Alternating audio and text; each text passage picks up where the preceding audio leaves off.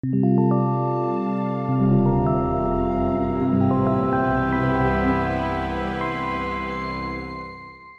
och välkomna till Akademiska smådåd. Det här är en podcast för dig som är intresserad av att utforska denna podd genom att hypotetiskt pröva vad som kommer hända i framtiden. Mitt namn är Simon Skau och jag befinner mig i Göteborg. Jag heter Kristoffer Sundberg och sitter i Lödöse. Jag heter William Thomson och sitter i Göteborg. Jag har mitt namn är Pontus Plamén Segraj jag sitter på Rikshospitalet i Köpenhamn. Ja, så nu sitter jag och Simon här i framtiden efter vi har spelat in det här avsnittet med ett par kommentarer innan ni börjar lyssna på just det här avsnittet. Okej, ursäkta. Här skulle det vara en introduktion. Tyvärr glömde vi spela in en introduktion och vi blev lite heta på gröten så vi tänkte att vi skulle bara nämna några saker här lite i början. Så det är en sorts meta-installation skulle man kunna säga nu. Men ja, så vi, vi lekte lite med avsnittsformatet och vi tänkte ja, men det kanske blir bättre utan en instruktion.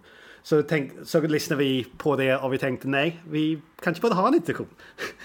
Precis, och vi upptäckte dessutom just det här avsnittet finns några saker vi behöver nämna nu i post helt enkelt. För det första, min ljudkvalitet är tyvärr jättedålig.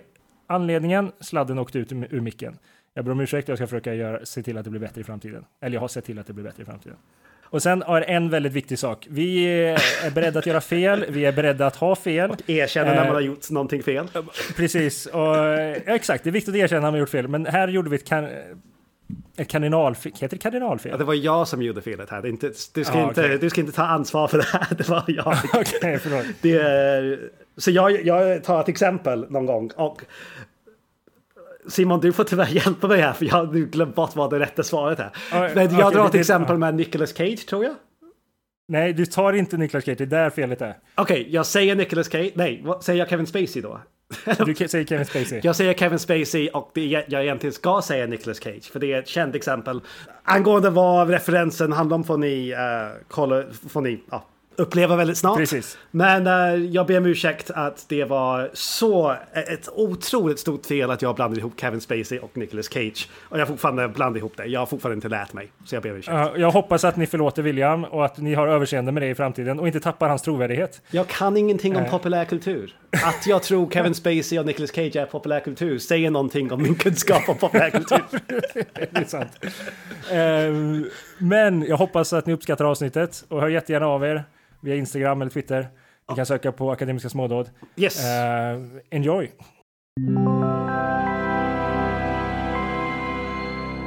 Okej, okay, så idag ska vi väl fortsätta vårt samtal om eh, det här med vetenskap.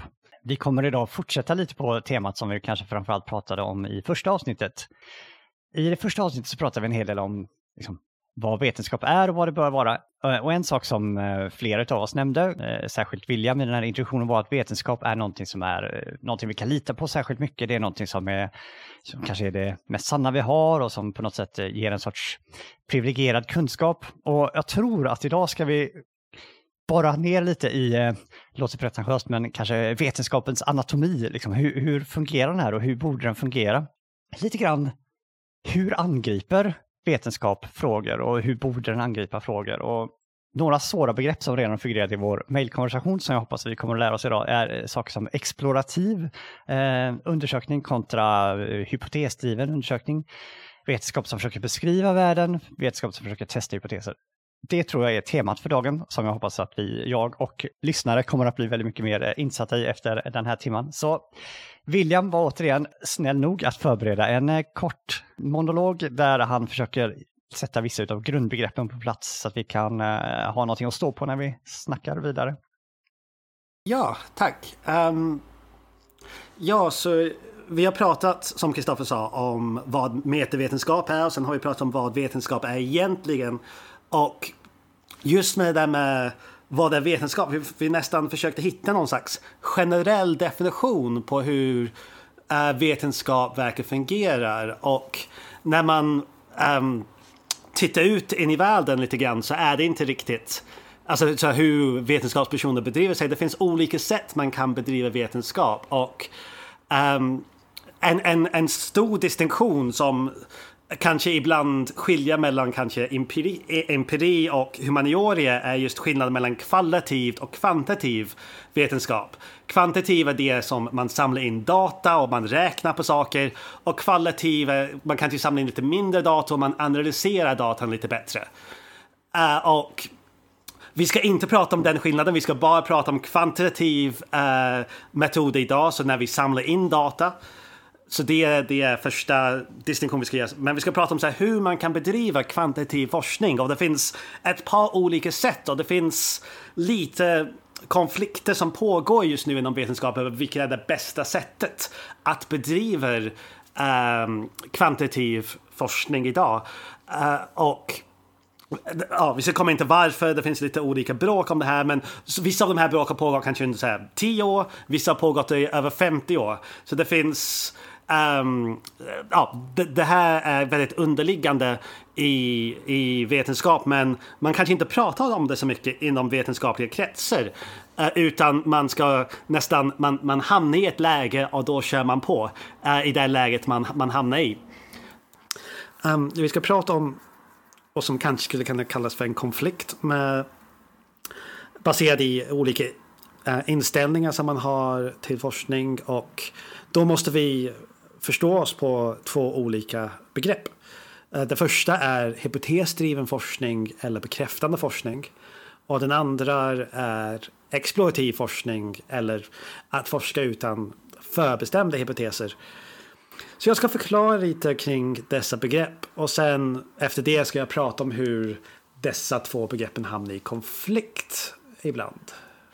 Um, så hypotesdriven forskning, det är vad de det var vad vi pratade om väldigt mycket i, i förra avsnittet. Det är nästan det man antar forskning ska vara. Att man har en hypotes och man ska man sen bygga upp ett experiment runt den hypotesen och man sen bekräftar det. Nu, inom hypotesdriven forskning, det finns många olika skolor, det finns olika statistiska teorier på vad målet med sin resultat är. Och slutsatsen med hypotesdriven forskning är oftast att man har en siffra eller en indikation på hur troligt dina resultat kommer generalisera till hela befolkningen eller hur troligt det kommer vara att vi kommer få samma resultat igen om vi skulle göra experimentet en gång till. Det är lite nyansskillnad mellan just de där två olika statistiska begrepp som vi inte behöver gå in på. Men det handlar om att man ska försöka generalisera men man äh, Uh, man ska generalisera sin uh, hypotes och så, så bekräfta sin hypotes. Man har sett det här och det här kommer förmodligen stämma om vi gör det här igen. Nu, exploration. Det anses jämfört med hypotesdriven ibland som lite så här, lite, väldigt mycket så här oren jämförelsevis, att man inte har äh, en hypotes. Man går runt och man testar sig fram utan en hypotes. Man kollar på sin data, man, ser, man, man kollar på se vad som finns där, man kollar på olika antaganden som finns i data, man ähm, eller så man, man provar många olika saker utan nödvändigtvis en hypotes. Och man testar sig fram och försöker hitta ett resultat och, och försöker förklara, kanske lite mer deskriptivt, det här verket finns i datan. Och det här har en, det här har en väldigt viktig funktion um, inom, inom forskning för att man oftast behöver ha lite koll på hur fenomen ser ut innan man kan ens ha en hypotes. Uh, så, jag ska, jag ska ge en väldigt konstig metafor just nu, men tänk att vi befinner oss på en rymdskepp. Och för någon anledning har vi ingen teori om gravitation eller hur gravitation fungerar uh, på jorden. Så vi gör experiment där vi ska skicka människor ner till jorden um, och testa hur gravitation eh, fungerar, gravitationskraften. Det kanske skulle vara bra att börja med att vi först skickar ut några människor som testar sig vad händer med olika objekt när vi släpper dem på jorden och sen kommer tillbaka till rymdskeppet och sen, gör, sen bygger upp några hypoteser. Uh, det, så, så explosion eller explorativt forskning har den här funktionen att man kan undersöka sig lite angående olika fenomen. Så det är också konflikt 1, uh, eh, exploration kontra bekräft, alltså hypotesdriven forskning. För det är många som vill säga att bekräftande forskning är bättre än explorativ forskning och nästan att man, man alltså om man ska ha en vetenskapsperson idag, man ska syssla med bekräftande forskning. För det är det som en bra vetenskapsperson ska göra. Och jag, alltså, och jag håller inte med det där, men, men det finns lite trender inom forskning att man ska bedriva bekräftande forskning. Att man säger bekräftande, hypotesdriven forskning is the shit. Det är, för det är den säkraste kunskapen vi har. Men det leder till ett par problem att det är faktiskt egentligen många, många människor bedriver explorativ forskning egentligen och de ska sedan dölja sina explorativa resultat som är hypotesdrivna och det är ett jättestort problem eh, som vi kanske ska prata om lite mer senare. Eller varför det är ett problem. Um, så det finns ingen som jag vet som säger att forskning ska enbart vara explorativ forskning. Men det finns vissa som säger att det ska nästan enbart vara hypotesdriven forskning. Och det finns även folk i litteraturen idag som försöker skapar, vi har till exempel pratat om förregistreringar, att förregistreringar är ett sätt att kunna skilja mellan hypotesdrivande och explorativ forskning. Så um, det, vi försöker hitta klara tydliga definitioner nu för att kunna skilja oss på dem på lite mer objektivt sätt. För det har varit ett problem att när forskare ska enbart rapportera är det hypotesdrivet eller explorativt. For, äh, eh, forskare har en tendens att säga det är hypotesdriven för vi har kanske tänkt att hypotesdriven forskning är um, bättre i citationstecken. Men det här har varit en konflikt i över 50 år där folk pratar fram och tillbaka om att säga alltså vi ska inte glömma bort explorativ forskning. Så var, ungefär varje uh, tio år så dyker upp en artikel som säger vi, vi, vi måste uh, ta hänsyn mer till explorativ forskning. Och jag har faktiskt precis skrivit en sån här artikel så jag har kanske en liten bias um, mot explorativ att vi ska uh, inte ignorera explorativ forskning. Du sa i början att eh, här har vi en debatt inom det som kallas kvantitativ eh, forskning.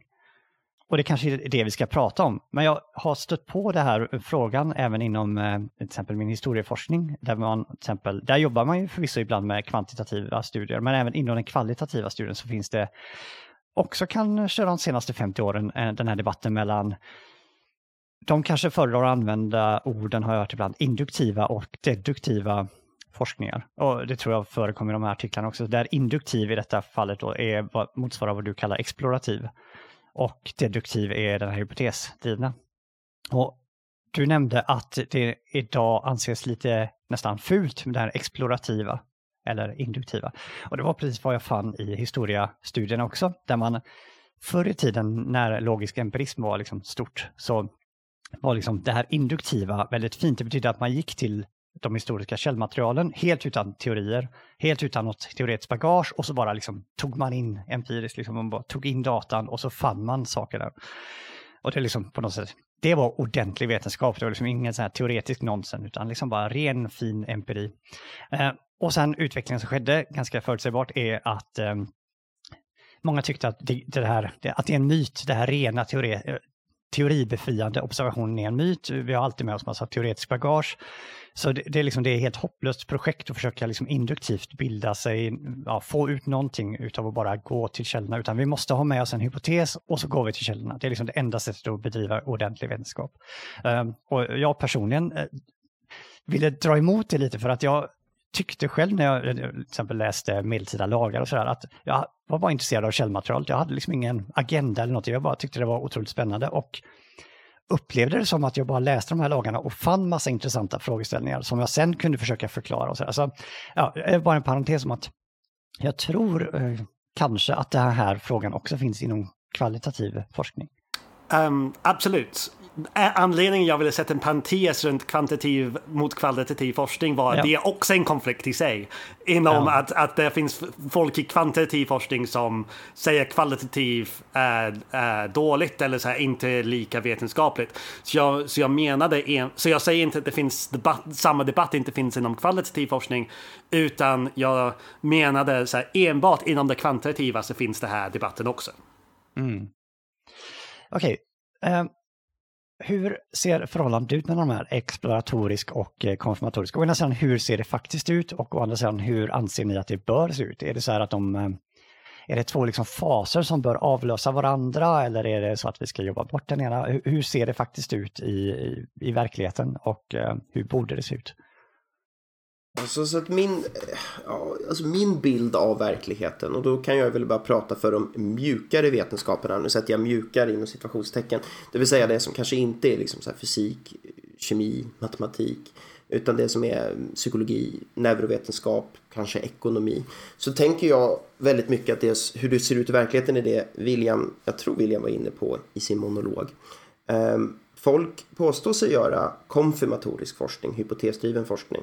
För det är det man ska göra. Det är det som är fint, det är det som är det rena, det är det som anses vara normen och eh, det är väl det man på sätt och vis publicerar på. Alltså man kommer över de här trösklarna för att kunna få ut sin forskning i offentligheten. Eh, så säger man så, ja men jag gör hypotesdriven forskning, jag är popperian eller, eller eh, jag tillhör den typen av tradition. Men vad man egentligen gör, i alla fall lite grann, eller ganska mycket, är ju då att man går ut och så utforskar man skiten ur sin data helt enkelt. Alltså verkligen torterar den, masserar den så mycket som bara möjligt och får ut någonting då, då något samband, någon statistisk eh, modell eller något, någon, någon, någon form av förhållande eh, som man sen då i efterhand säger så här, ja men jag hade nog en hypotes om det här. Hade du? Hur vet vi det? Ja, jag hade det på känn. Och sen så presenterar man liksom eh, så presenterar man det här då, då post hoc som att det vore så pass mycket mer a priori än vad det egentligen var. Alltså och varför är detta man, ett problem? Ja, eh, det är ett stort problem egentligen därför att det, när man gör exploratorisk forskning så kommer man ju hitta säkert mycket intressanta samband och mycket intressanta eh, fynd. Men väldigt mycket, i alla fall återigen då i de mjukare vetenskaperna, kommer ju vara brusigt. Alltså data är extremt brusig. Man kommer hitta väldigt mycket samband, väldigt mycket skillnader, eh, eller frånvaro skillnader som enbart är eh, beroende av brusförhållandet till data. Vi samlar inte in perfekta mätpunkter i, i, i de här eh, i mjukare vetenskaper, i biomedicin. Det finns inga liksom, perfekta, perfekta mätpunkter, utan det kommer alltid vara osäkerhet vidhäftat våra, våra mätningar. Och den här osäkerheten den kan sticka åt massa olika håll. Och det är väldigt lätt, väldigt, väldigt lätt att applicera matematiska statistiska modeller eller teorier alltså behöver, till, till den, den här osäkra datan och, se, och, och hitta mönster i vad som är enbart brus. Vi är människor, alltså det, vi vill ju se mönster i väldigt mycket.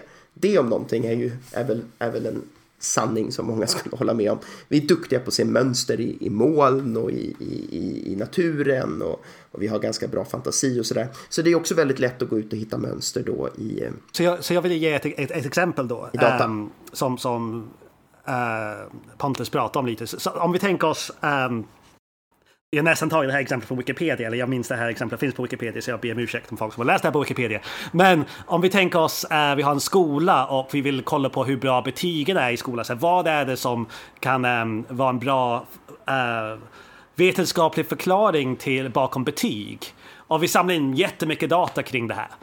Och sen så testar vi massa olika saker rent explorativt och vi, vi visar sig att det finns en korrelation mellan studenternas längd och betyg. Vi säger något sånt. Och mm. sen skapar man en, en hypotes uh, kring så här, ja men, uh, jag vet inte. Men det, vi, vi, hittade det här och det var rent explorativt. Att vi hittade en korrelation mellan längd och um, för, för, vi testade ungefär 100 olika variabler och till slut någonting visade sig verkligen korrelera. Det, mm. Ehm, det, finns en väldigt spännande hemsida som heter typ Spurious Correlations där man kan se till exempel antalet Kevin Spacey-filmer korrelerar med antalet uh, människor som dör i USA varje år eller något sånt. Att det mm. finns, alltså man hit, det finns korrelationer som inte är riktiga, alltså man, som inte, är, äh, inte ger någon sorts, som, där det inte finns något samband. Ingen kausalt samband, det orsakar Precis. inte Ja, det finns ingen relation. Alltså det, finns, alltså jag, det är ingen som tror det finns en... Jag tror det var Kevin Spacey-filmer och antalet mord i USA. Det, det, är ingen som tror det finns en relation mellan de där två sakerna, men det finns ändå en korrelation. Mm. Um, och så, så till slut så skulle man kunna hitta någon variabel som längd eller um, när man går upp på dagen som korrelerar på, med, skol, med skolbetyg. Och det det resultatet då är lite svagare än om man först gick in med en hypotes som är så här, jag tycker att när man går upp på dagen korrelerar med eh, skolbetyg och så gör man den korrelationen och enbart den korrelationen. Och testar sin hypotes. Det ena är mer så här, man tar fram hypotes genom att testa många olika variabler och den andra är att man testar en hypotes. Och när man bara testar en hypotes, det finns en, man är, det är lite tekniskt, rent matematiskt eller eh, statistiskt varför, men det finns större chans att den kommer eh, äh, repeteras i framtiden. Alltså det, uh, ja men precis. Alltså det finns ju ett, en underliggande grej här som du kom in på med ditt Kevin Spacey-exempel där. Att uh, uh, upplevelser, empiriska upplevelser, äh, faktum i sig betyder ingenting utan en teori. Och det är där jag tror den hypotesprövande eh, biten är stark. Till exempel vi kan, vi kan observera relationen mellan två olika saker, mord i USA och Kevin Spacey. Men om vi inte har en teori som kan förklara den här relationen så anser vi den ibland också vara meningslös. Eh, och eh, alltså själva relationen är ju som den är. Den är ju faktisk. Men sen så om det betyder någonting eller inte beror på vår teori. Jag brukar ta upp det exemplet från John Searle som, vi har, som är en filosof som har det exemplet med alltså målet med vår förklaring eh, avgör eh, hur vi ska tolka någonting. Han brukar ta exemplet med eh, an, eh, han brukar säga eh, vad, vad är meningen med att hjärtat pumpar blod? Jo, det är för att vi ska överleva. Det är själva målet. Eh, och han menar på grund av att vi har som, eh, som slutligt mål i våra förklaringar att överleva så, så tolkar vi pumpandet av blod är för att överleva. Eh, men han säger, men om vårt högsta mål i världen var att, eh, att tillfredsställa ljudguden, då skulle vi säga att målet med hjärtat är att göra thumping noises. Och den förklarar exakt samma data, eh, samma, samma empiriska mekanism så att säga, men förklaringen är en helt annan sak. Eh, och den hypotesprövande synen eh, och alltså en förklaring av information kräver då en teori helt enkelt för att va, ha betydelse. Eh, och där driver då den hypotesprövande. Men om det, om, om det bara rapporterar massa associationer, vad ska det betyda överhuvudtaget? Uh, ja, men risken, risken är ju att jag tycker det är fint och helt okej okay att rapportera massa associationer. Problemet är ju när folk säger, vi går tillbaka till skolexemplet som jag gillar mycket mm. mer än, än Kevin Spacey-filmer i Amerika. Uh, så kan man ju tänka sig då att någon tittar på det och säger så här, alltså, nu skriver jag ihop det här och så säger jag att mitt, min hypotes var att, uh, att betyg och längd på eleverna är starkt korrelerade. De, de samvarierar, de, när en går upp går den andra upp. Och jag, har en liten, jag snickrar upp en liten snabb teori kring varför det är på det här viset. Och så säger jag så här, men kanske om vi ger eleverna tillväxthormoner så kommer vi se bättre betyg.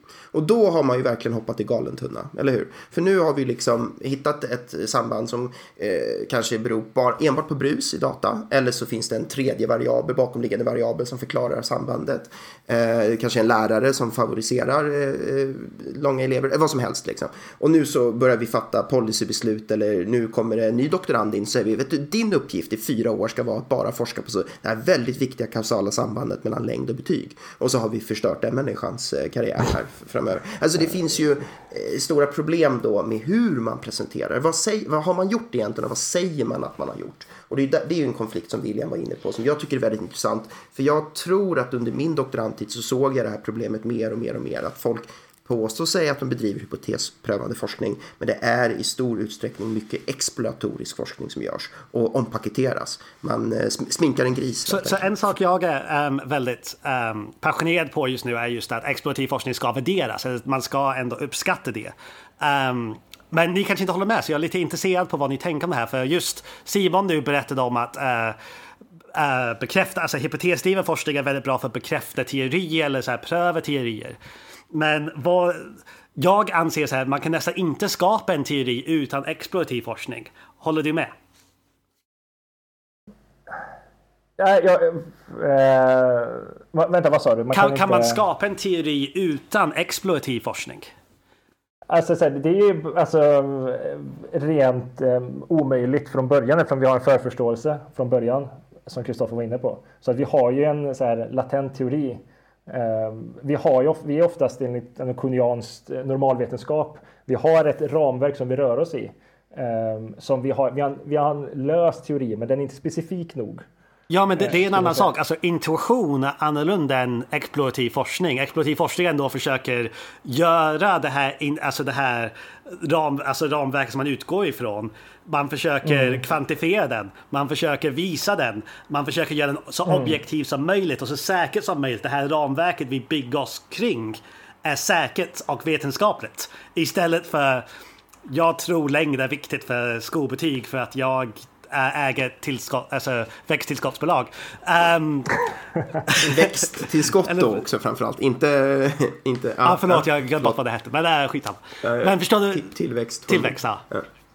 Ja, alltså jag skulle också vilja fördunkla det här lite mer. Jag tror också att det finns en glidning i hur de här fungerar. Alltså jag har märkt väldigt mycket, till exempel, jag håller på med, väldigt mycket av det jag håller på med explorativt, skulle jag uppleva. Men jag gör det i form av hypotesprövande test. Så till exempel, eh, och eh, jag har fått mycket, eh, jag försöker vara öppen med, till exempel när jag gör min forskning, att här, när jag gick in i den här studien så var jag intresserad av det här fenomenet generellt, men jag guidade min forskning med hjälp av de här hypoteserna. För det är det jag, jag är intresserad av att se relationen mellan de här olika, jag är intresserad av att se relationen mellan längd och skolbetyg. Eh, utan för den ha en direkt hypotes om den. Jag upplever det som explorativ forskning. Andra har varit väldigt mot mig och säga att nej men det är inte hypotespröv, alltså du får inte nämna en hypotes om du gör explorativ forskning. Och I andra fall så har jag haft alltså, review-kommentarer till exempel på en studie där jag säger um, på grund, jag har en intuition om vad relationen mellan hjärnaktivitet och en viss sjukdom är. Men datan finns inte. Jag tror att det är en annorlunda, på grund av att vi tror att eh, det är relationen mellan Eh, problem med kognition, hjärnaktivitet och den här sjukdomen så tror vi att om vi mäter hjärnaktiviteten hos de här patienterna så kommer vi se en annorlunda hjärnaktivitet. Men jag kan inte säga om det är för mycket hjärnaktivitet eller för lite hjärnaktivitet till exempel. Eh, så min hypotes är att det kommer att vara annorlunda hjärnaktivitet. Och för mig är det, jag är jätteexplorativ här, men hypotesen är att jag ska kolla på det. Och fått väldigt mycket kritik då att säga det är alldeles för vag hypotes, så det kan du inte säga. Så här, du måste ju, om jag säger jo, men varför kan jag inte göra det? Jag är ju ärlig med att det här, för, för oss är det här första steget, liksom William säger, vi vill göra det här första för att kanske i nästa studie kunna vara mer specifik. Men här har man då en, en konflikt då mellan vad vissa menar, men du får inte ens använda hypotesprövade metoder för att göra explorativ forskning. Um, men jag förstår, inte, jag förstår inte riktigt konflikten. Alltså, förutom det att jag tror att det kan vara svårt att eh, publicera för att folk förväntar sig då att det ska vara hypotesprövande statistik på det. Men vad är problemet med att ta den här första studien och bara visualisera data? Utan att ha några som helst eh, alltså så här, statistiska inferensvärden, alltså slutsatser från statistik. Alltså visa bara data. Det är, det är ju där jag tror konflikten ligger. Direkt du smackar på ett sånt här statistiskt kriterium, det vi kallar för p-värdet generellt, så går man ju från att vara eh, från explorativ till att vara hypotes. Du prövar ju då en väldigt specifik hypotes. Inte nödvändigtvis. Och, och jag tror, ja, det beror väl på. Det finns ju olika tolkningar, olika skolor för att tolka de här statistiska kriterierna också. Men vad är det för fel på att bara visualisera data ja, men, då i första ja, men studien? Visa så här, alltså, där här har vi ett medelvärde som skiljer sig. Alltså, problemet vi... är ju att um, om vi till, till exempel, vi har ju vissa statistiska metoder som är allmänvetenskapliga. Uh, så att säga. Till exempel det som nämndes här, p-värden och liknande. Så om jag läser en studie som eh, vad heter det, Pontus håller på med så har jag ingen aning om hur jag ska tolka relationen mellan vår... Alltså han säger medelvärdet på den variabeln jag mäter är 10 på den ena gruppen och 8 på den andra. Jag har ingen aning vad det betyder.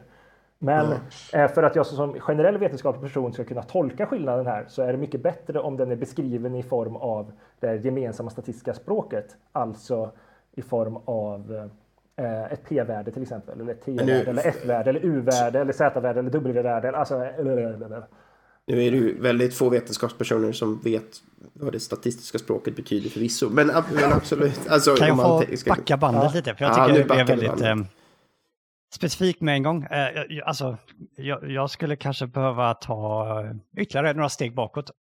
William ställde frågan här. Måste all undersökning vara hypotesdriven? Okej, okay, här kommer två naiva exempel som visar på min oförståelse. Eh, exempel ett var det som William pratade om, den här rymdmannen. Så låt säga då att vi har, eh, vi har en, en hypotes, vi, vi, vi har liksom en bild av vad som händer på jorden, vi släpper saker och de ramlar ner. Och så undrar vi, vad händer där utanför jorden om vi skickar upp en raket i rymden? Vi har ingen aning. Eh, eh, nu, nu kanske verkligheten inte såg ut så, men låt säga att mänskligheten har verkligen ingen aning. Så vi skickar upp en, eh, en tjej med en boll eh, eller en sten i en raket och filmkamera och så här. Och så alla, eh, hon kopplar loss säkerhetsbältet och så släpper hon bollen och alla håller andan. Vad händer? Och den bara svävar iväg. Eh, vad är, inte det? Och vad, vad är för fel på det? Kan, är felet att det där är inte vetenskaplig undersökning, det är kanske en empirisk undersökning, men det är ännu inte vetenskaplig. Men för mig låter det som en explorativ, att vi, vi vet verkligen inte vad som händer. Vi, vi, testar först och sen helt plötsligt ser vi att bollen svävar iväg, den faller inte ner. Nu kan vi börja göra liksom, hypoteser och säga att ja, men ja, eh, gravitation avtar med massan, ja, det kom ju i och för sig Newton på redan för länge sedan, men eh, låt säga att eh, varför inte? Okej, det var exempel ett. Exempel två är, jag har en tärning jag har liksom inga som helst hypoteser om den. Det är, liksom, ja, det är en tärning. Och så slår jag den. Och det är en väldigt långsam dag på kontoret, så jag slår den tusen gånger och skriver ner resultatet. Och det visar sig att eh, hundra gånger i rad så fick jag en sexa. Och helt plötsligt så kom jag fram till att den här tärningen är eh, inte, liksom, eh, den är viktad. Det, det, är högre sannolikhet att den hamnar på en sexa. Eh, eh är det har jag gjort någonting fel som kommit till den? Eh, jag menar, jag hade ingen hypotes innan. Det var inte så att jag skrev ner en hypotes och sa att den här tärningen är um, rättvis om man säger så, utan jag var helt bara skitsamma. Jag satt här och skrev en, eh, slog tärning och skrev ner resultatet. Så det är helt bara explorativt tittar jag på datan och nu gör jag den här Kevin Spacey-grejen att jag säger att nej, den här, det finns en korrelation mellan eh, den här sidan och sannolikhet för att den kommer upp. Eh, mitt, min känsla utav vad ni sa var att den här skillnaden mellan att saker och ting blir är, är sämre. Eh, snackar vi om små detaljer? Alltså, är, har den här personen, är det, är det en rimligt antagande från den här personen att tro att den här tärningen, det är något fuffens med den? Den fick 100, eh, 600 gånger i rad. För, för jag kommer med, alltså jag hoppas jag har inte sagt det är sämre forskning och jag hoppas jag inte sagt det är ovetenskapligt att uh, gör det där experimentet i rymden. Jag försökte säga att det är vetenskapligt. Och det jag, vet, är viktigt. jag vänder mig okay. mot dem som du, eh, som, ja, till exempel du ställde frågan till Simon som sa att nej, men allting måste vara hypotesdrivet och så här. Och även de här bägge två har nämnt om att det anses mindre fint. Så jag ville väl liksom bara hoppa på det. Okej. Okay.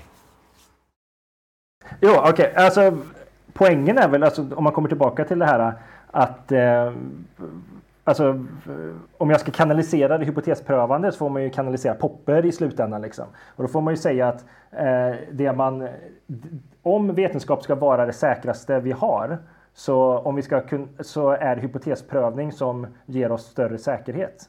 Och därav är det något vi ska premiera. Eh, för om det, inte, om det är induktiv forskning som vi gör eller empirisk eller bara för att alltså problemet blir ju oftast alltså när man presenterar, när Pontus presenterar sin forskning ehm, så kommer jag se mönster i det. Om det inte står tydligt innan att det, den skillnaden ni ser här är inte viktig eller skillnaden ni ser här är viktig eh, så låter jag mig själv göra den tolkningen.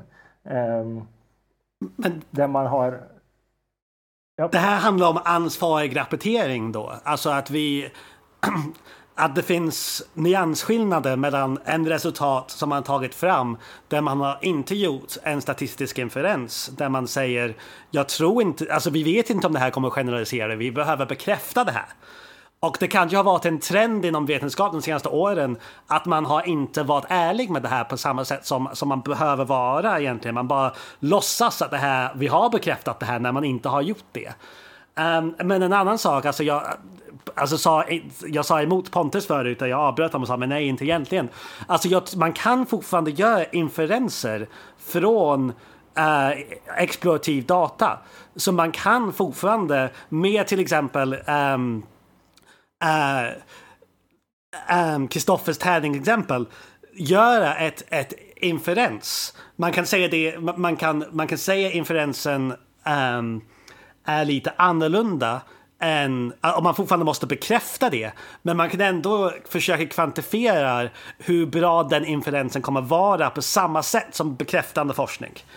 Och äh, så, så, så, det, det, finns en skillnad mellan explorativ inferens och explorativ forskning. Det, alltså, de överlappar lite grann, men de inte, det, det finns en möjlighet att man kan göra explorativ inferens, tycker jag. Mm. Men handlar det inte till viss del om antalet datamängder du har, antalet datasätt du har? Alltså, jag skulle, till skillnad från Simon kanske, så skulle jag ju inte tro på det här eh, statistiska värdet som presenteras i en artikel om det bara presenteras från ett datasätt. Utan jag skulle ju liksom tänka så här, ja kul, ni kanske hittar någonting, ni kanske inte hittar någonting, jag har ingen aning. Eh, oavsett om vi pratar ett gemensamt språk och ett, ja, eh, liksom så. Utan jag skulle ju säga så här, ja, jag, jag måste ju se det här i ett nytt datasätt. Jag måste se det här i ett välkontrollerat ny, ny design där ni gör om samma sak och titta på det liksom i ett helt nytt datasätt. Gärna fl ännu fler om ni har råd att samla in dem. Gärna en annan grupp som gör det här, som kanske liksom inte håller med den första forskargruppen. Och då, när det liksom replikeras ett par gånger, oavsett liksom vad de första statistiska värdena sa, då kan jag börja bli intresserad. Så att, att visst, presentera hur många värden ni vill eh, i, i den här på Dataset 1. Utforska skiten ur det som, vi, som, jag, som jag säger. Men var helt öppna då i slutsatserna och så här. Vi har väldigt dålig koll på huruvida det här kommer replikeras, huruvida det här faktiskt generaliseras, huruvida det här är någonting mer än bara mönster i brus. Och säg det i artikeln eller i, i presentationen eller i vad det nu är, hur du nu presenterar. Ansvarsfullt mm. presenterande som, som William var inne på. Och då är det Då är jag jätteglad. Och då är det explorativt och jag är jätteglad mm. och då får du egentligen göra vad du vill. Men du måste säga mm. det. Men det är ju där vetenskapspersoner verkar ha väldigt svårt för de vill så himla gärna skriva en ganska saftig och sexig slutsats eller en titel gärna till sin artikel. Lä äh, äh, längd, den kausala faktorn bakom betyg i svenska skolsystemet. Liksom. Mm. Men Pontus, du sa okej, okay, om de lyckas med detta och liksom säger det så och sen så lyckas någon annan replikera det då, då är allting fint. Men inte det exakt samma, gäller inte det också för eh, eh hypotesprövande? Eller har du lägre krav där? De behöver inte replikeras innan du börjar tro på det. Är det det du säger? Om, Eh, jag säger så här, om de har ställt upp sin hypotes innan de samlar in någon som helst data. Om de sa så här, och gick ut på internet, för det är ju där vi hänger nu för tiden. Och så sa de så här, på Twitter sa de så här, vi ska testa det här, det här och det här. Och vi ska testa det exakt så här, så här och så här. Och vi ska bara göra det här och det här testet. Och väldigt, väldigt tydliga med vad de gör, in, alltså a priori, före de gör, samlar in. Sen samlar de lite data och så utför de här testen och de livestreamar alltihopa. Jag ser exakt vad de gör och sen rapporterar de liksom det, eh, det värdet. Då har jag mycket, mycket större eh, tillförlit till det, att det värdet kommer replikeras, att det kommer vara robust. Att det är signal och inte bara brus. Än, än om eh, någon kommer med Williams gamla dataset som vi har stött och blött här i fyra år och, bara, och säger här tittar jag hittar en jätteintressant variabel klockan 22.30 igår kväll när jag körde den här stora, stora korrelationsmatrisen och tittade på allt mot allt. Liksom. Då, jag, då tycker jag det här mindre, alltså jag, tror, jag, jag vill använda ordet evidensvärde, liksom. vilket värde, evidensvärde tycker jag de här två olika situationerna har. Men har inte detta att göra med, är det, är det en artskillnad eller en gradskillnad? För om jag har det här tärningsexemplet som 999 gånger av 1000 hamnade på sexan och därifrån drar jag eh, slutsatsen, jag har inte rapporterat på Twitter, jag har inte livesänt någonting, ren explorativ och det bara slog mig att det här är något fuffens. Skulle du också kalla det brus? Låter inte det helt tokigt? Alltså, alltså, är det inte en gradskillnad här snarare än en artskillnad i så fall?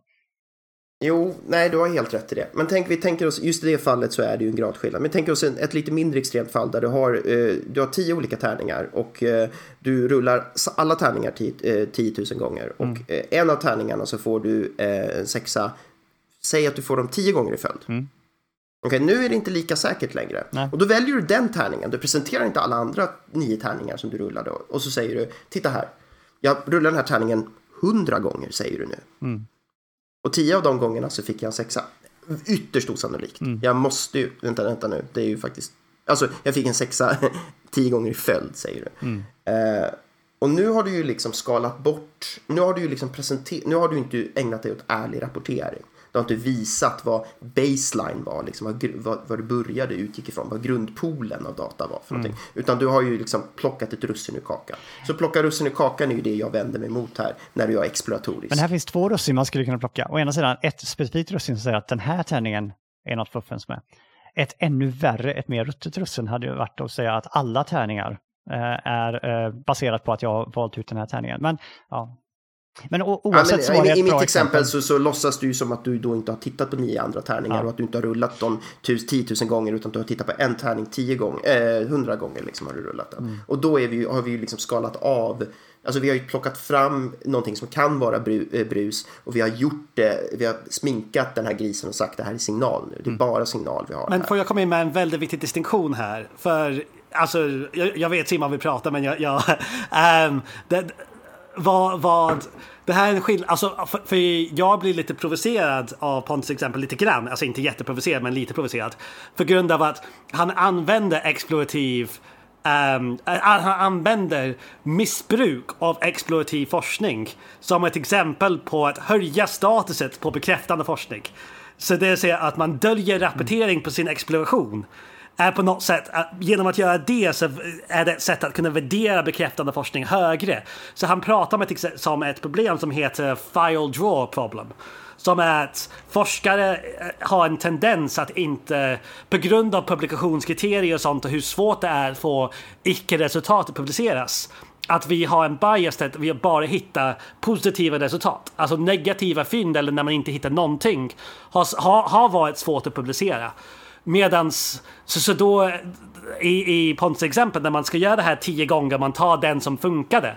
Det är ett exempel på file draw problem, att de här nio andra tärningarna hamnar i en, i en låda som inte, som inte visas. Men, och jag skulle säga det är dålig explorativ forskning. Det är, inte, det är inte en anledning varför bekräftande forskning ska anses vara bättre än explorativ forskning. Det finns fortfarande, de, de ska gå hand i hand, tycker jag. Uh, så, så, så, um, Pontus exempel är ett jättebra exempel på problem som finns inom bekräftande forskning och folk som pratar om bekräftande forskning idag. Men det är inte ett exempel emot explorativ forskning.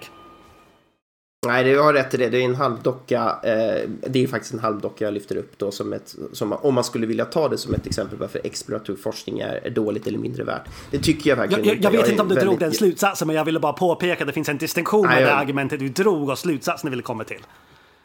Om jag drog den slutsatsen så tog jag nu tillbaks den slutsatsen. Nej men det är ju ett reellt problem, vi kanske ska gå, men, men bara för att avsluta den. Jag var på en AV här med en professor eh, och eh, han, eh, han, han muttrade och sa att, att ge en doktorand ett statistiskt eh, program är samma sak som att ge en babian en rakhyvel. Det kommer bara gå åt helvete. Uh, och det är lite det han försökte, han försökte liksom så här implicera, eller hen då, nej det var en han. Uh, liksom att um, just det här problemet kommer göra alla test som finns och sen säga att det var det här de ville kolla på i slutändan. Och hur ska vi tolka det?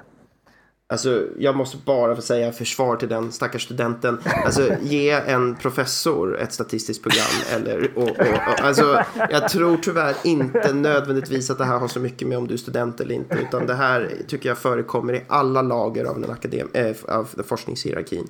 Eh, och jag tror nog att problemet i grund och botten eh, alltså grundar sig i att eh, seniora forskare har det, det, är ju liksom de som, som har gjort det så länge nu och det har varit väldigt framgångsrikt karriärsdrag att presentera eh, explorativ forskning som bekräftande forskning. Det, det, går att publicera, det går att bli, liksom, få pengar och bli, och bli känd på det. Jag tror där problemet ligger snar, snarare än att studenterna liksom är outbildade.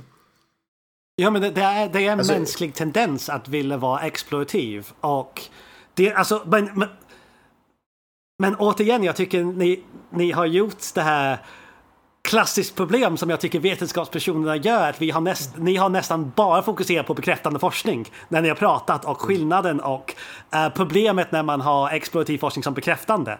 Men ni har fortsatt mm. inte typ prata så mycket om att uppskatta explorativ forskning. Pontus var inne på det lite grann och säger så här, första studien, men det var mer hur han inte ska värdera den studien som uh, sann vetenskaplig kunskap.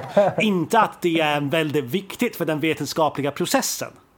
Och det är alltså, det okay, jag vill komma åt, över att explorativ forskning är fortfarande jag, extremt viktigt. Jag vill bara säga så här, jag håller ju med dig William. Men det, det, är bara att för, för dynamiken här så har jag valt att ta hypotes. Att provocera mig. För att den rösten för att den rösten Nej, men alltså, jag tycker William, du har en jätte... Förlåt, nu avbryter jag er för att nu vill jag prata.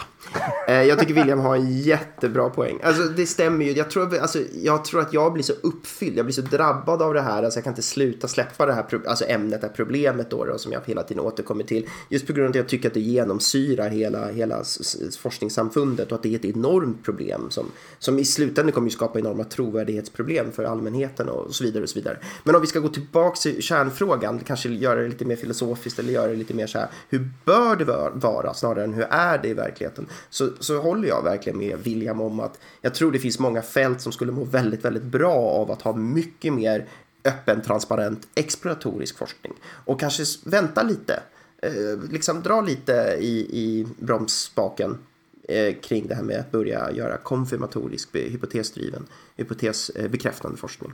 Därför att eh, jag tror inte de är mogna att, att, att börja med det ännu. Vi kan inte tillräckligt mycket om fenomenen vi studerar. Vi, vi vet inte tillräckligt mycket. Men det jag också ville påpeka är att um, det jag säger att man ska uppskatta explorativ forskning är också lösningen till ert problem. Alltså att man låtsas explorativ forskning är bekräftande forskning eller hypotesdriven forskning. För, för det enda anledningen folk gör det är ju för att det är det enda sättet man kan få artiklar publicerade eller så här, det, det har varit så. Desto mer vi uppskattar explorativ forskning och uppskattar rollen av explorativ forskning så kan vi skapa bättre hypoteser. Och vi kan uh, göra mer effektiv forskning, för vi pratade om um, en gång, jag minns inte när, angående att man ska använda forskningspengar effektivt. Alltså man ska inte bränna bort skattepengar på hit och dit. Så när man, um, på, på dålig forskning, så man vill ju att det ska vara så bra forskning som möjligt. Och ett sätt att göra det är att om hela forskningen tar ett par steg tillbaka för att äh, vara ärlig med sin, sin exploration först så kan vi skapa bättre och mer robusta hypoteser i längden. Mm. Det handlar om att bygga ett fundament liksom. Jag har ett, ett, ett anekdot. Jag skrev eh, kom, kommentaren till en reviewer nyligen som skrev så här. Varför, varför kollar ni inte på de här frågorna istället? De är mycket mer intressanta. Mm. Och mitt svar var ju likt det här. Så här nej, men de frågorna är, är bara möjliga efter vi har gjort de här vår studie. Vi försökte lägga grunden för att göra nästa frågor.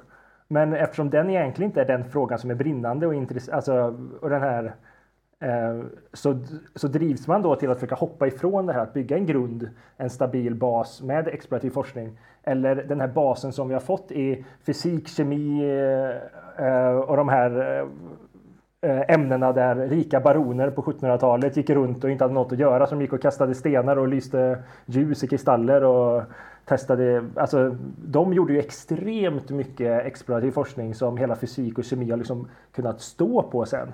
Vilket, vilket när mer modernare, modernare, men med psykologi och liknande kom upp som vetenskapsämnen för 100-150 år sedan så kom det också snabbare mycket in i akademin och liksom var mer, alltså var tvungen att följa en metod på ett annat sätt. Det var en, en väldigt känd vetenskapsperson som heter så här, nu har jag glömt bort om det, hur man uttalar hans namn, men Tenbergen tror jag han hette, eller Thunbergen.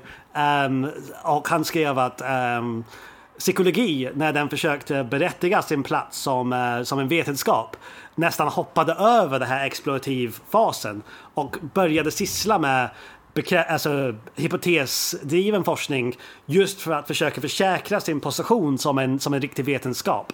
För det var kritik som, som ganska många av de här äldre vetenskapspersoner som vi kanske är, var lite kritiska mot förut, de har haft andra kamp i deras liv. Och det är folk som har sagt, men psykologi, haha, det är ingen vetenskap. Så det är ett sätt, då har det funnits press på dem att de måste um, försöker vara så vetenskapligt som möjligt och deras sätt att vara så vetenskapligt som möjligt var att bedriva hypotesdriven forskning eller försöka bedriva hypotesforskning. Och det kanske misslyckas, det kanske var dåligt att göra det på det här sättet. Eller jag, ty jag tycker det var jättedåligt att göra det på det här sättet. Men jag tror det var så det har fungerat historiskt och varför just inom psykologi, det är typ huvudämnet där vi, vi pratar om replikationsproblem och andra problem inom inom vetenskap och inte fysik. För fysik hade det här explorativfrasen och är nu står på ganska säker mark. Vad, det låter intressant, så det är alltså ett särskilt problem för psykologi. Men vad... In, in, nej, inte, inte nödvändigtvis, men kanske det centrumet. För, äh, mm. Men i ekonomi och andra sådana här mjukare vetenskap, det, sam, det finns samma problem i. Kan du ge ett exempel på vad skulle explorativ forskning vad har det varit i fysik och vad skulle det kunna vara i psykologi? För bara naivt så tänker jag så här att ja, men en, på en väldigt, väldigt basic nivå så explorativt forskning i fysik är helt enkelt bara att man observerar fenomen som att stenar ramlar till marken och så här. Det är liksom verkligen där det börjar. Men psykologi, är inte det att man jag menar på en jättenaiv folkpsykologi, att folk blir förälskade, att folk blir arga i vissa situationer, blir obekväma. Är inte det liksom redan explorativt? Att man säger, ah, här har vi en intressant fråga. Varför blir folk eh, väldigt osäkra när, i sådana här Okej, okay, så, så en skillnad tror jag är faktiskt strukturell, äh, strukturellt, alltså hur man bygger upp det på, alltså i universitetet, alltså vilka avdelningar eller vilka ämnen som finns. Så i fysik, um, och jag, alltså jag är inte jättekunnig men jag, inom just det här, men som jag har förstått det, alltså det, man, det är framförallt inom teoretisk fysik där man håller på med experimentell, eh, förlåt, explorativa metoder idag där man testar sig olika matematiska modeller på hur man försöker förstå de här olika fenomen. Och då är det andra vetenskapspersoner som faktiskt gör det här bekräftande forskning. Så mm. ja, det här hypotesdriven forskning, så det är olika människor. Men just inom psykologi, biologi, ekonomi idag så är det oftast inom det samma personer som gör både det explorativa och bekräftande. Och det är därför det kan vara så, svårt att, att man blandar ihop dem ibland. Är just för det är samma personer som gör det. Det fanns, eh, jag och Simon var på en konferens för ett par år sedan om någonting om hjärnan, någonting. Jag minns inte ens vad det hette. Var det eh, psykiatrikonferensen? Vad sa du? Internationella konferens för filosofi och psykiatri. Nej, nej, det var en efteråt där. Eh, ja, just det, Neural Networks. Ja, eh, konferens. Ja, jag tror du presenterade någonting. Uh, och där var det han, vad hette han, Steven någonting? Uh, Gross? Grossman, ja. Grossman, ja. Han beskrev sig själv som en modellerare och liksom sa att ja, mitt jobb är att liksom bara lägga fram modeller och så låter jag de andra, ja, liksom, det jag ger till er är massa för er experimentella folk, att, äh, saker att testa. Var han då ett försök att vara en explorativ psykolog? Han sa dessutom att han åt data till frukost. Ja. Tyckte jag lätt. Är det någonting sånt du efterfrågar? Eller, eller förlåt, efterfrågar, men skulle det vara liksom en, en att vi har några som jobbar med sånt, bara bygger upp modeller och sen har vi andra som sitter och testar? Um, det, det är... Tyvärr nej. Och Problemet är att det blir väldigt tekniskt över varför. Alltså det finns, för okay. det finns olika sorters modeller först och, först och främst. Alltså man kan ha statistiska modeller, man kan ha modeller som försöker predicera saker som vi har pratat om förut, men man kan även ha modeller som är teorier som ska, typ, som ska vara nästan förklarande och göra inferens. Alltså, så det, det är väldigt många olika modeller. Och så, så modeller kan också göra simuleringar för att försöker hitta vad man bör hitta i sin empirisk data. Så det finns väldigt många olika sätt man kan, man kan ha modeller. Så genom att bara höra någon, någon har byggt några modeller, alltså jag byggde en modell igår, det betyder inte att jag, jag, jag egentligen försökte bara säga att någon um, någon har gjort fel, inte en, det var inte riktigt explorativt, bara, bara visa att en persons empirisk metod var dålig. Så um, det är typ sånt jag, det är typ, det är typ vad jag gör till frukost. Att bara säga andra gör fel. Gud vad brutalt egentligen. Men, alltså, jag vet inte, man kan ju kalla det för vaktmästeri. Men så att, jag tror Kristoffers fråga här är liksom om man bara sitter och teoretiserar fram olika typer av modeller, hypoteser, eh, kan det, vara, kan det anses vara explorativ forskning? Men jag tror nog att man ska nog koppla in datakomponenten i explorativ forskning. Alltså mm. du ska nog ha ett datasätt som du utforskar eh, eh grundligt helt enkelt. Ja, man ska eller? verkligen utforska Så, datan, inte utforska sina egen tank, egna tankar. Det, Nej, okay, för det är eller teori, ja. teorin. Alltså så tänker jag, så kanske det finns någon slags explorativ teoretiserande också som hade varit superintressant. Men jag tror att just, eh, jag tror i det här avsnittet var vi nog liksom inne på att diskutera just det här med att ex, eh, utforska sin, sin data kring sitt fenomen. Vad det nu vad det nu är för någonting. Jag försöker bara få grepp om vad det är psykologin inte har gjort enligt den här forskaren, som fysiken har gjort. Där. Alltså vad man gjorde väldigt mycket alltså, tidigare. Ja men till exempel. Um, gud nu kan jag det dåligt. Uh, någon um, forskare om, om, om ljus. Men fan vad var det? Nej men som lyste. Ljus är en, um, vad heter den? Våg eller Diamant. Okay. Tänker jag. Och så, en prisma. En prisma och så, och så lys, lyser de här ut sig på en vägg i olika färger. Och det är han, gud jag kommer inte ihåg forskaren. Men så Newton. går han om Nej. Nej, det är inte Newton som gjorde det. Nej, det kanske var, nej, man går och mäter då hur varmt det är på väggen efter en timme på mm. de mhm. olika, alltså per varje centimeter hur det ändrar sig. Och sen skriver ner det och sen rapporterar det, bara det. Inget, mm. Det finns liksom inget, eh, inget eh, hypotesprövande överhuvudtaget. Bara, det här behöver vi samla information om. Och, mm. eh, och den typ, jag tror det är den typ, det fanns ju visserligen en tendens till det inom, eh, vad heter det, psykofysik det här till exempel, eh, heter psykofysik? Nej. Alltså, alltså när man kollar på hur, hur, många millimeter från olika punkter kan man känna skillnaden på olika delar av kroppen till exempel. Mm. Eh, om man säger, det är, men det, det är väl egentligen det som, eh, och så rapporterar man det rent deskriptivt. Ah. Eh, och det är väl det som fysik har gjort mer och om man har gjort det någonstans inom psykologin så har det varit mer åt det hållet. Mm. Eh, inom psykofysiken. Heter det psykofysik?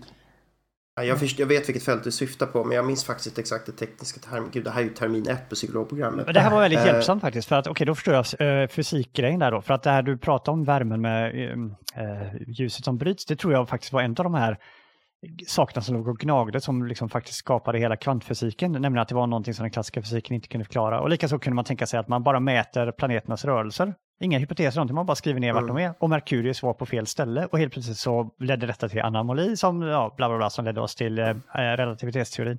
Okej, så det är det ni efterfrågar då, eh, som, eller förlåt, som den här eh, forskaren ni citerade efterfrågar att, att psykologi har på något sätt hoppat över det här data ansamlingen men också eh, inte bara samla in data utan studerande av data och försöka hitta på något sätt intressanta saker, eh, problem. eh, Om man skapar stora be, be, berättelser eh, runt omkring lite fenomen. Så till exempel en, en sak som finns i läroböckerna tyvärr är att ehm, eh, s- ehm, om det finns ansikten med ehm, som ser arga ut. Det har större tendens att fånga vår uppmärksamhet jämfört med eh, ansikten som kanske ser glada ut eller andra eller neutrala ansiktsuttryck. Så det är på något sätt att emotioner har ett sätt att ehm, um, fånga, alltså olika emotioner har ett sätt att fånga upp eh, olika, eh, fånga upp vårt uppmärksamhet och det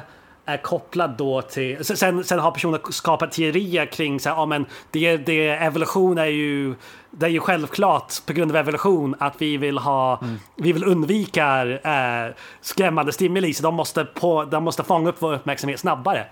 Och sen visar sig att det här verkligen inte stämmer. Men man ändå, alltså när man gör de här experimenten lite mer kontrollerade, det här resultat verkar inte finnas. Så hela den här teorin som de har byggt upp och prese- presenterat i läroböckerna, det stämmer inte. På grund av att man har forskat det här lite mer alltså, fundamentalt och gått in i hur olika stimuli kan påverka oss och så vidare. Men så, så vi gick ett par steg för fort, ett par steg framåt för fort. Var det tydligt? Förlåt, alltså jag var ett par Ja. år sedan jag undervisade mig det jag- det där. Nu kan ju inte jag, nu vet ju inte Williams specifika exempel visste jag inte ens om att just det här fenomenet som jag fick lära mig på psykologprogrammet, jag visste inte att det var eh, uppenbarligen lå- lös, lö, stå på lösa Därför att jag var inte din lärare Det är då. väldigt mycket, nej det måste varit det. Det är väldigt mycket i psykologi, det är enorma mängder psykologiska teorier, fenomen och resultat som vi trodde väldigt hårt på bara för 5, 10, 20 år sedan som har fallit, som liksom verkligen bara fallit eh, liksom i, i väldigt lös jord och vi vet inte alls vad som är sant och inte sant. Men jag tror Williams poäng är liksom att man har byggt teorier Eh, ganska omfattande teorier om hur det mänskliga psyket fungerar, liksom hur människor fungerar i sociala miljöer och sådär. Eh, och så har man liksom det är jättehäftiga teorier som är ganska spexiga eller sexiga och intressanta. Men när man väl liksom ska försöka predicera någonting från dem, när man väl ska försöka replikera de här resultaten så, så går det inte. Så det är teoribyggen som kanske är mer som korthus då, om man ska vara lite brutal. Ehm, och där i, ligger väl problemet då. Jaha, varför blev det så? Jo, men det finns ju massa sociologi i vetenskap och massa incitamentproblem och så. Men vi kanske då hoppar över det här steget där man egentligen bara ska så här, utforska datan och kanske också i och med det utforska sina mätinstrument. Hur precis är de? Vad kan vi säga utifrån de här mätinstrumenten vi har? Vad kan vi inte säga? Kan vi verkligen uttala oss om, om det här och det här fenomenet när vi har så mycket brus, uppenbarligen, vår data? För nu ser vi bruset här för vi sitter verkligen och tittar på det. Och här kan man rent av ge eh, psykologin, eh, ah, jag hittar bara det engelska ordet, cut, eh, psychology som slack. Alltså jämfört med fysiken så är signalvärdena helt enkelt så mycket lägre än de lyxnivåer som fysiken är. Så att eh, det faktum att psykologin kämpar är liksom kanske, man gör så gott man kan med dem. Det är helt enkelt mycket svårare på ett sätt. Eh, mätverktygen är inte så kraftfulla. Det tror jag verkligen är en, en stor del av problematiken. Men också just att man velat hoppa till den finare delen. Det som anses då vara den finare delen av forskningsmetodiken. Vilket är återigen hypotesprövande, bekräftande forskning. När jag hör er prata här nu så kanske, eh, så här hör jag det lite grann som att folk har försökt göra lite explorativt. Eh, men har kanske underskattat hur svårt det är att göra bra explorativ. Så man har liksom gjort mycket sämre explorativ forskning än vad man kanske har velat inse. Och sen att, att det faktum att man gör explorativ forskning tillåter den att göra hypotetisk och det har ansetts väldigt fint. Så när man har gjort lite explorativt så har man direkt hoppat till den här mycket sexigare hypotetiska. Eh, och man har sen efterhand då sett att den explorativa delen har varit väldigt dålig och man har gjort vissa misstag som man inte har insett ut.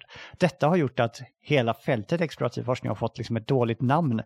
Och eh, jag hör William som sägande att en allmän trend är att man tar dessa sämre explorativ forskning eh, som liksom en, man blåser upp detta som att det gäller för all explorativ forskning medan vad man kanske istället då skulle göra är att inse att detta är mycket svårare än vad folk har insett och det krävs mycket mer för att göra det bra men det faktum att eh, det är otroligt viktigt och eh, läxan borde istället vara att nej, vi ska göra det bättre, vi ska bli bättre på att göra det. Uh, och det, det, kommer sen hjälpa oss med den här, som nu kallas sexig forskning, att bli mycket bättre. Och, ti- och äh, den, Ja, den insikten skulle ju också, man önskar ju då att den skulle fortplanta sig i hela forskningssamfundet. För det skulle betyda att det blev lättare till exempel att publicera. Man skulle premieras för att göra bra exploratorisk forskning. Och där tror jag också då ett, ett problem är att vi måste lyfta det då som ett, någonting som man bör göra, som är fint att göra och som man kan få någonting utifrån. Så att någon säger, ja men gud vad bra exploratorisk forskning du har gjort här, gud vad mycket eh, intressant information du har hittat i, i det här fenomenet, i det här datasättet.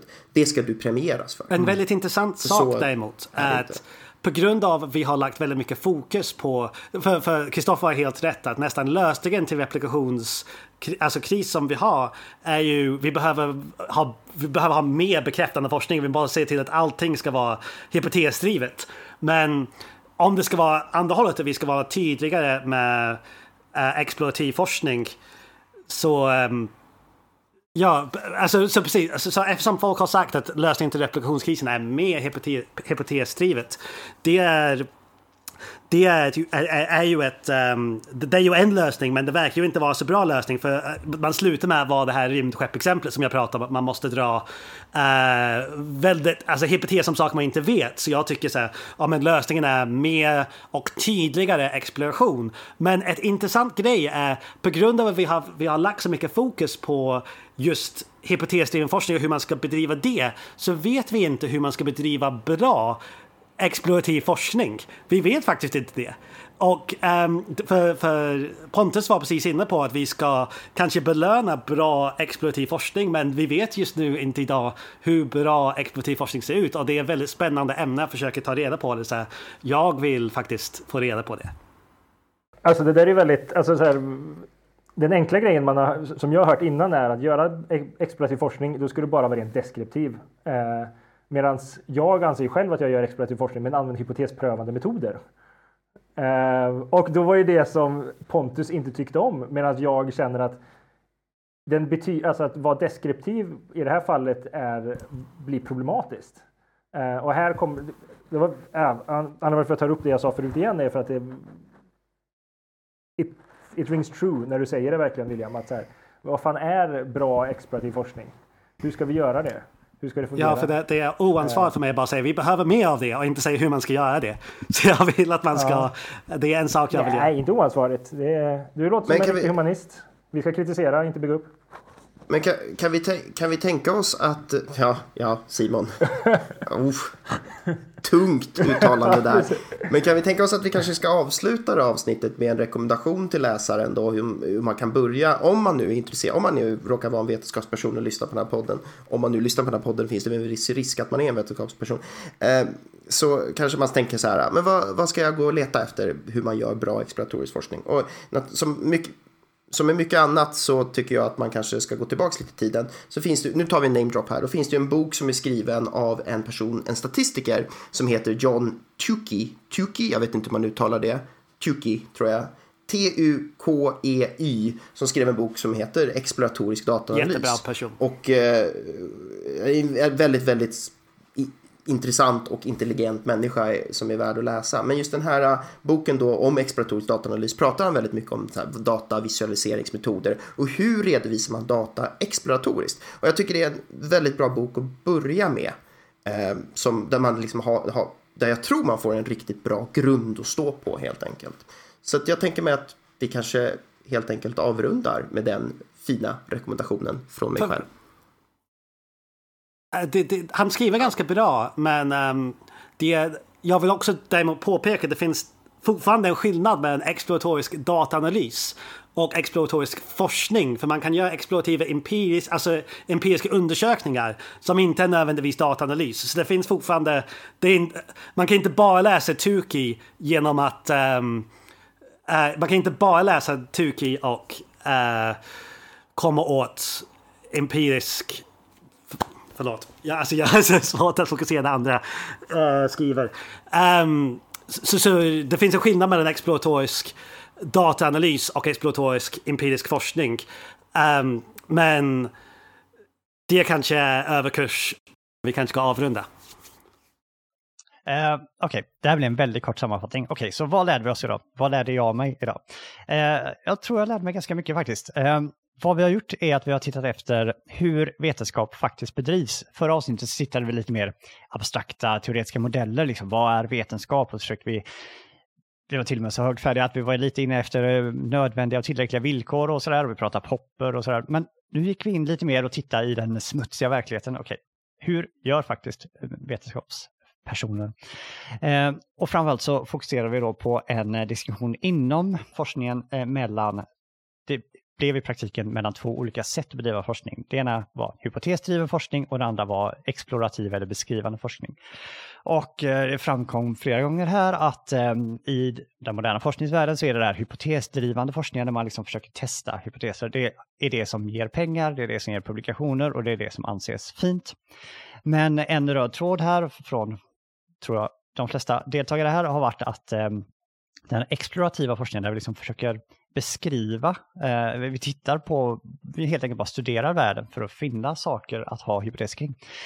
Eh, detta är väldigt viktigt. Det har eh, kanske felaktigt eh, fått en lägre status. Man har kanske felaktigt man har liksom tittat på dålig explorativ forskning och låtit detta liksom stå som en modell för att hela fältet är dåligt. Eh, och en alternativ eh, lärdom här är helt enkelt att nej, vi ska bli bättre på att göra det och det kommer att föra oss framåt eh, min otroligt naiva sammanfattning av detta, liksom vad jag tar med mig, och det här kanske är en så grov förenkling att det blir barnsligt, men ett sätt som jag tänker på detta är kanske så här att, okej, okay, vetenskapen vill besvara frågor om världen, liksom hur, var, varför blir folk rädda i sådana här kontexter, varför trillar stenar neråt på jorden? Alltså, vi har alla dessa frågor om verkligheten som vi vill besvara.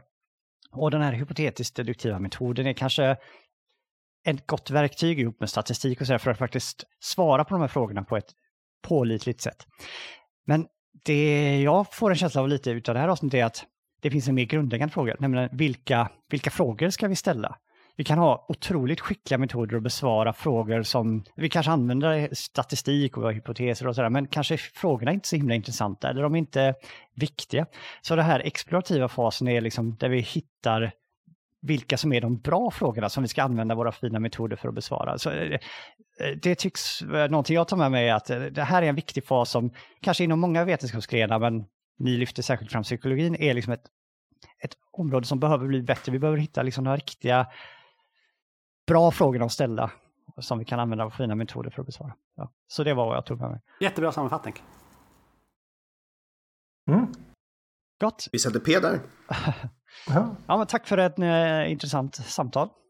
Gött. Ja, det var verkligen kul. Jag avslutar... Peace!